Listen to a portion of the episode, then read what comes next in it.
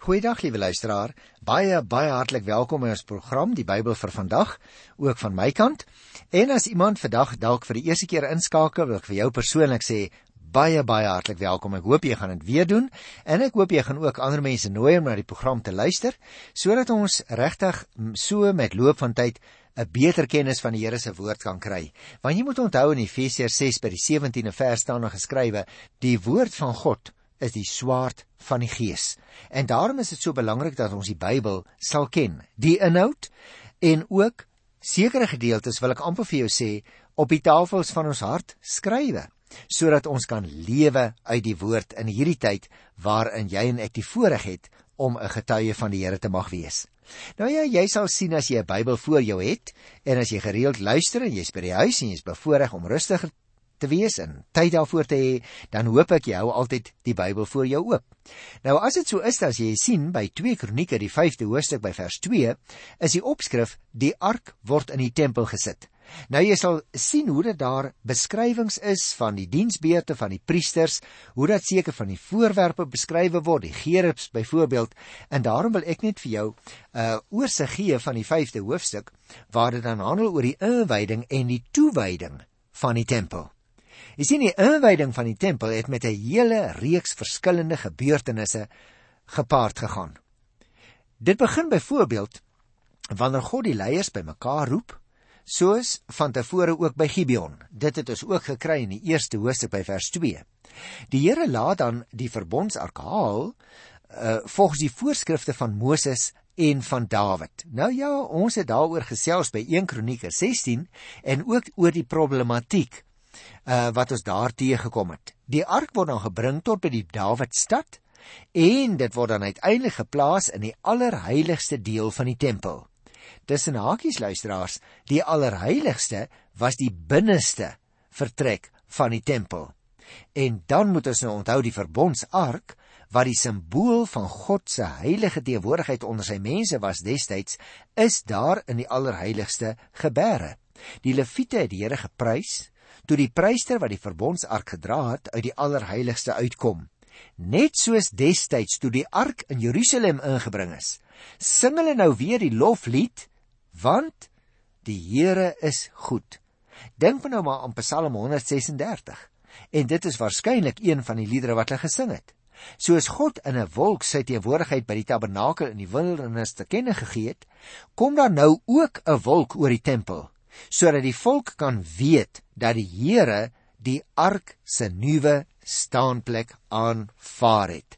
En dit is baie belangrik, liewe luisteraar. Ons moet dit opmerk. Hierdie vertelling sluit amper woordeliks aan by die wat ons kry in Konings. Ons moet ook onthou, liewe luisteraars, die Lewiete van wie ons hier lees in vers 4 en 5, kry van wie die kronikus se belangstelling in hulle 'n baie sterker aksent. Vir mense wat die eerste keer inskakel, wil ek net daarop wys dat elke Bybelskrywer uit 'n bepaalde gesigshoek skrywe.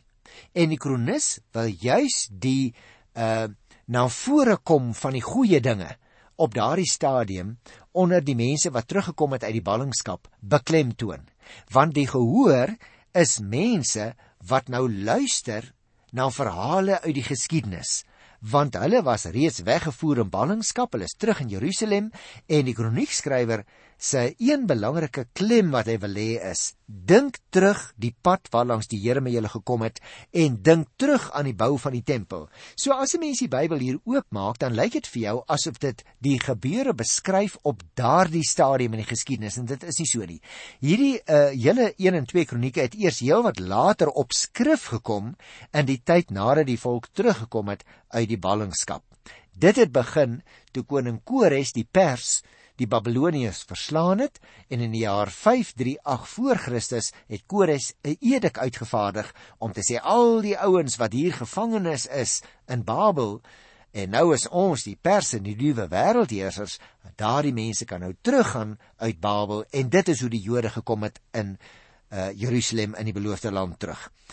Daarom skryf die kroniekskrywer vir hulle en hy sê dink terug aan die geskiedenis van tevore.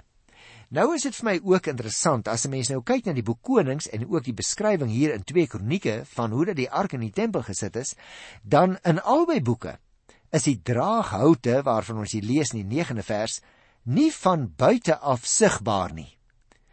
As jy nou by konings se weergawe gaan kyk, dan sien jy sien konings sê dat hulle punte wel van die voorkant van die binneste heiligdom af gesien kon word. Iets wat in kronieke se weergawe afgelei moet word want dit staan nie spesifiek hoor hier nie. Ook net wil ek jou opwys, daarom het ek jou nou net die geskiedenis vertel. Hier word verwys na vandag. Nou die vandag verwys natuurlik na die tyd toe die verhaal neergeskryf is. En dit het moontlik ook reeds voor die ballingskap plaasgevind.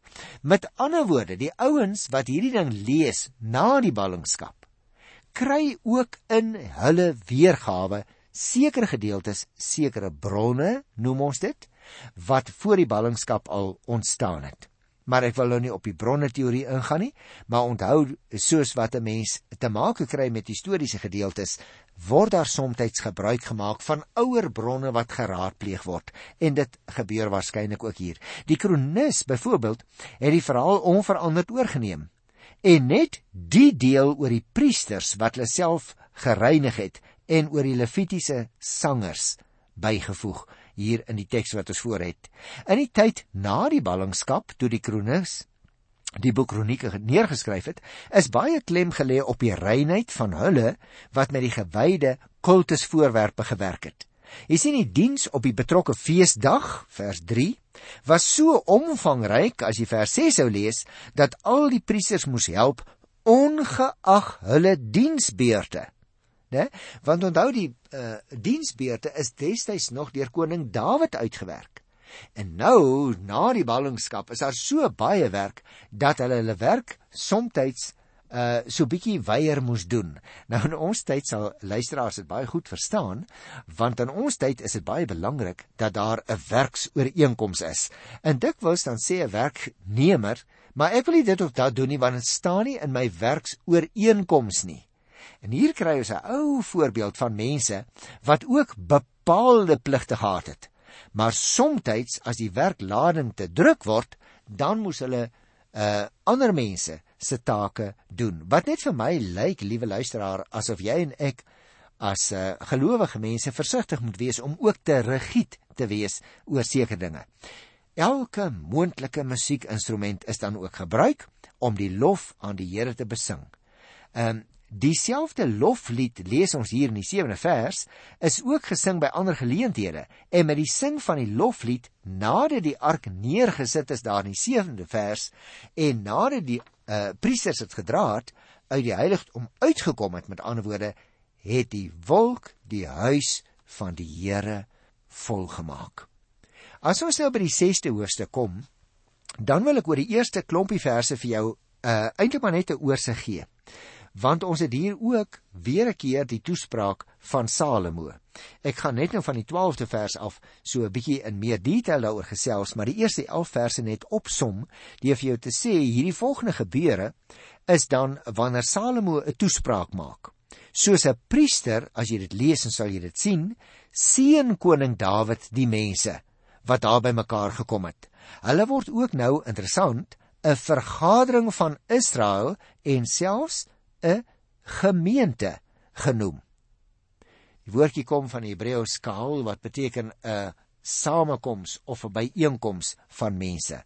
En as jy dit gaan lees, dan sal jy sien Salomo dank God dat hy die Here vir Jerusalem en vir hom wat Salomo is en Dawid gekies het om sy naam daar te vestig en deur hulle gewerk het onder sy volk en dus bewys het in die verlede hy is teenwoordig. Jerusalem moet ons ook onthou liewe luisteraar is 'n priesterstad en Dawid en Salomo is priesterkonings wat deur hulle dienswerk die verbondsvolk en die verbondsgod in 'n sekere sin bymekaar bring.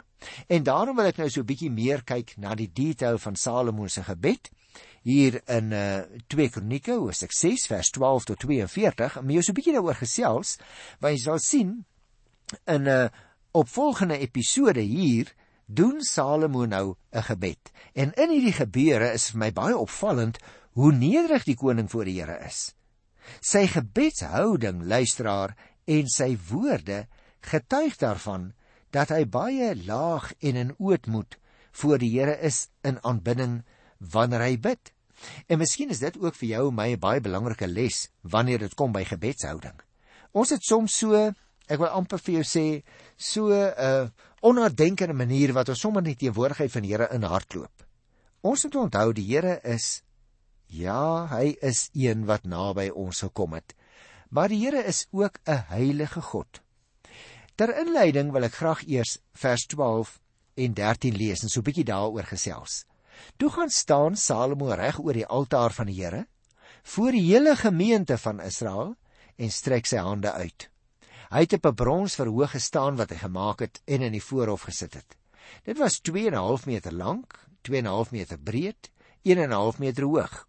Hy het daarop gaan staan en toe kniel hy voor die hele gemeente van Israel en strek sy hande uit na die hemel toe.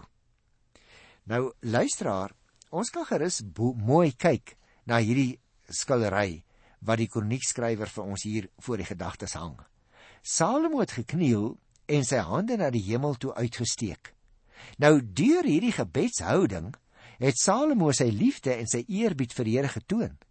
Deur sy optrede het hy dan ook gewys dat hy die Here as die hoogste koning en gesag erken het in sy lewe en dat hy die mense aangemoedig het om sy voorbeeld te volg. Natuurlik luisteraar, natuurlik kan daar ook ander gebedshoudings wees. Die gebedshouding op sigself is nie so belangrik nie. Die gees wat as dit ware voor die Here buig, die hele mens wat voor die Here buig. Dit is wat ons hier dink ek in die gebedshouding moet raak sien. Die belangrike is dus dat die gebedshouding uitdrukking moet wees aan 'n gesindheid. Watter gesindheid? 'n gesindheid van nederigheid, van onderdanigheid aan die Here. En hierdie gesindheid het ook na vore gekom in die woorde van Salomo se gebed. Met ander woorde, die hele prentjie wat ons sien en die klanke, die woorde wat ons lees, vertel vir ons van die ootmoed van hierdie man voor die Here. Ek wil net weer 'n keertjie vers 12 lees. Luister daarna. Toe gaan staan Salomo reg oor die altaar van die Here voor die hele gemeente van Israel en hy strek sy hande uit. Jy sien, die kronikus gee meer as die boek Konings oor die gebedshouding van Salomo weer. Hy is reg oorkant die altaar. Ons het dit ook gekry daarna as ek 4 by die eerste vers. Voor die hele gemeente staan daar het hy gestaan op 'n brons verhoog wat vir die doel in die voorhof gesit is. Nou natuurlik, hoekom? So kon hy beter oor die hele gemeente kyk. En daarom luisteraar moet ons ook onthou wanneer dit by 'n verhoog in 'n kerk kom, waaroor daar nou dikwels gepraat word in ons tyd, of wanneer dit by 'n preekstoel voor 'n kerkgebou kom, dan is die funksie van daardie stuk meublement eintlik om die spreker so bietjie beter sigbaar te maak. Die preekstoel is nie 'n heiliger plek as die bank in die kerk nie. En daarom moet ons baie versigtig wees dat ons uh, nie verkeerde goed en verkeerde klem op verkeerde plekke plaas nie. Salomo wou doodgewoon beter oor die hele gemeente sien. Salomo se hande lees ons was uitgestrek na die hemel toe. Maar voor hy begin bid het, het hy eers in eerbied gekniel. Sy hele houding is dus een van ootmoed. Ons het ook verlede week hier uh by die oggenddiens weer 'n keertjie as gemeente voor Here gekniel in die banke in die erediens net om daarmee weer 'n keer ook op simboliese manier ons voor die Here te verootmoedig. Met ander woorde gebedshouding, liewe luisteraar, is nie iets wat jy kan voorskryf as 'n vaste styl wat jy elke keer wil handhaaf nie. Uh en daarom moet 'n mens ook in gedagte hou die manier van jou gebedshouding vertel iets van wat binne in jou hart aangaan. Daarom is dit vir sommige mense baie meer geleë om te staan byvoorbeeld as hulle lofprys. Vir ander weer om te kniel voor die Here. Die liggaamshouding is wel van belang omdat dit ook uitdrukking kan gee aan die ingesteldheid wat in die persoon se hart lewe. Nou interessant, Konings, die skrywer van Konings, noem hierdie eerbiedige gebedshouding eers aan die einde van die gebed in 1 Konings 8:54. Hier kry ons dit reeds by die begin van Salomo se optrede. Nou kom ons lees 'n bietjie verder by vers 14 tot 17. Dit gaan oor die inhoud van Salomo se gebed. Eers het ons gesels oor sy houding, nou gaan dit oor die inhoud van sy gebed. Hier van vers 14 af. Here, God van Israel, in die hemel of op die aarde, is daar nie 'n God soos U nie. U hou U aan die verbond en U bly getrou teenoor die dienaars wat met volle oorgawe voor U lewe. U het U gehou aan wat U dienaar my vader Dawid beloof het. U het die belofte gemaak en dit is soos dit vandag is deur U woord en deur U mag vervul. Here, God van Israel, bly dan nou by wat u dienaar my vader Dawid beloof het toe u gesê het ek sal sorg dat daar altyd iemand uit jou nageslag op die troon van Israel sal wees mits jou nakommelinge let op hulle optrede en volgens sy woord lewe soos jy gemaak het. Here God van Israel laat die belofte wat u aan die dienaar Dawid gedoen het ook verder vas staan jy sien luisteraar Vir Dawid het die Here beloof dat hy altyd uit sy geslag die koning sal kies wat oor sy volk moet regeer. Dit wil natuurlik sê mits Dawid se nageslag aan die Here getrou bly. Ons het dit nou net gelees. En dit is dan ook waarvoor Salomo nou bid dat die Here die koning aan hom wat die Here is getrou sal maak. Dit is tevens tussen hakies luisteraar ook die tema in hierdie tweede van die tweede deel van die kroniekboek. Die getrouheid van die koning aan die Here bepaal of God sy volk sal bly seën of nie. Luister van vers 18 tot 21. Sou God werklik by die mense op die aarde woon? Die hemel, selfs die hoogste hemel kan u nie bevat nie. Hoe dan nog hierdie tempel wat ek gebou het? Hoor tog Here my God, die gebed van u dienaar. Hoor my smeking. Luister na my hulpgeroep, die gebed wat u dienaar tot u rig. Hou hierdie tempel dag en nag onder u sorg, die plek waarvan u gesê het dat u u naam daar sal vestig, sodat u die gebed kan hoor wat u dienaar van u na hierdie plek toe bid. Hoor tog die smeekbedes van u dienaar en die volk Israel wat hulle na hierdie plek toe bid. Hoor dit tog uit u hemelse woonplek en wanneer u dit hoor, vergewe tog Nou luisteraar, hier kom 'n paar interessante aspekte na vore. Waar jy sien in die tweede plek bid Salomo ook vir die tempel. Die tempel, sê hy, tereg ook, kan nie God se blyplek wees nie. Sy blyplek is die hoogste hemele. Maar die tempel was die plek waar die mense die Here kon kom aanbid. God was by die tempel op 'n baie besondere manier teenwoordig sodat sy volk hom daar kon ontmoet en aanbid. By die tempel verhoor die Here gebede. Skenk hy vergifnis aan die oortreder. Nou mag jy as 'n Nuwe Testamentiese gelowige my vra nou maar broer Johannes het nou nog so. Moet ek juis na 'n kerkgebou toe gaan? Moet ek na 'n 'n tempel toe gaan? Moet ek na 'n altaar toe gaan voordat die Here my hoor? Nee, liewe luisteraar, en dit is hy's die wonderlike ding dat die Here Jesus het met sy koms en met sy offergawe vir jou en vir my direkte toegang gegee tot die allerheiligste. As ek nou weer 'n keer mag aansluit by hierdie terminologie wat ons in hierdie gedeeltes het. Maar in daardie tyd was dit 'n voor-Christelike fase. En daarom dink ek moet ons ons nie uh, te veel bekommer oor die styl van destyds en die plek van destyds nie. Dit kan in elke tyd en in elke geslag verander. Maar nou kom daar sekere fasette na vore in sy gebed waarop ek tog net 'n uh, paar opmerkingkies wil maak. Naamlik hier word gepraat oor misdaad, oor vyandelike aanvalle, oor droogte. Kom ons kyk so 'n bietjie na die misdaad versies hier vers 22 en 23. As iemand sy naaste kwaad aandoen en die hom 'n eed verpligting oplê om hom onder 'n vloek te plaas, en hy kom en spreek die eed uit voor u altaar in hierdie tempel, luister tog uit die hemel en gryp in en vel die beslissing oor u dienaars, sodat die skuldige die straf vir sy dade ondergaan en die onskuldige gelyk gegee kan word, soos dit by sy onskuld pas. Dit gaan ons hier luisteraar oor misdaad. Nou is daar natuurlik so baie en verskillende omstandighede waaronder mense kon oortree en hulle lewens in die ongeluk dompel. In sy gebed staan misdaad nou nogal eerste op die lysie. Maar luister nou so 'n bietjie as 'n mens nou verder lees. Want 'n uh, eh, luisteraars, uh, ek sal bly wees as julle by die huis ook na hierdie ding uh, oplet. Kyk by vers 32 byvoorbeeld. Daar lees ons iets in verband met vreemdelinge. Daar staan: "Luister ook na die vreemdeling wat nie uit die volk Israel is nie." Nou dit is baie belangrik want mense dink soms dat oud Israel nie ander mense in die heiligdom toegelaat het nie. Hulle dink soms dat ander mense nie tot die God van Israel kon bid nie. En hier is dit baie duidelik.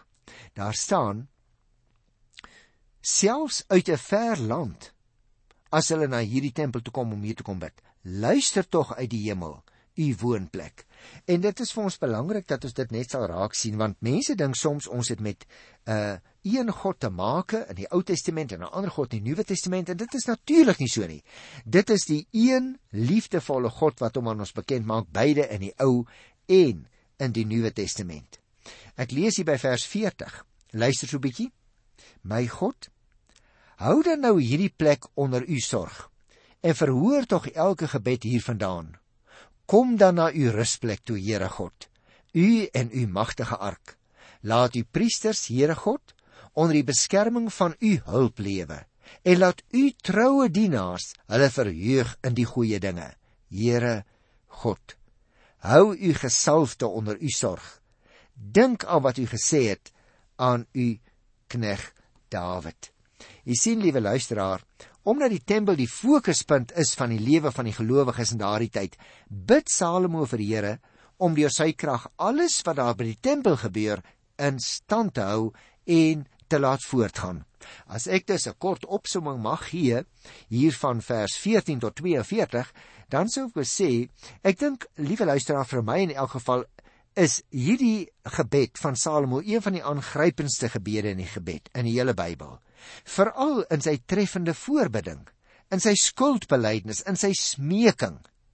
Die gebed hou dus nie rekening met die moontlikheid dat die vyand die stad en die tempel sou kon verwoes nie.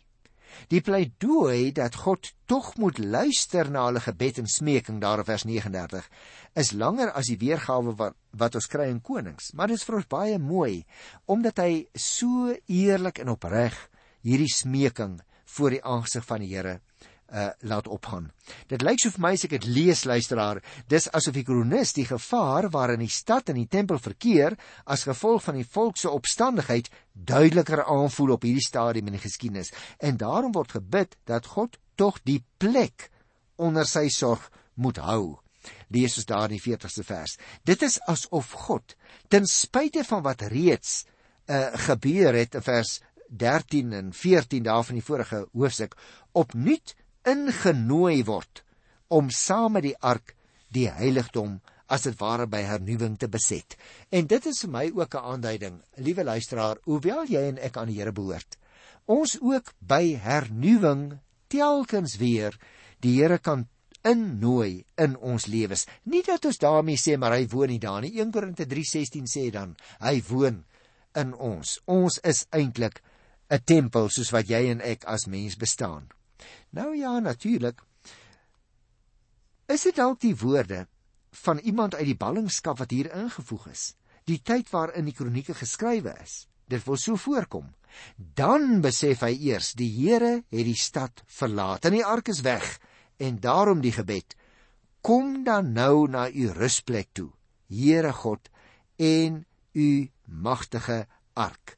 Jy sal sien die bedoeling is dus dan sal die Here die priesters weer waarlik laat lewe staan daar en sal hulle die troue dienaars van die Here hulle verheug in die goeie dinge wat hulle uit die offers toeval.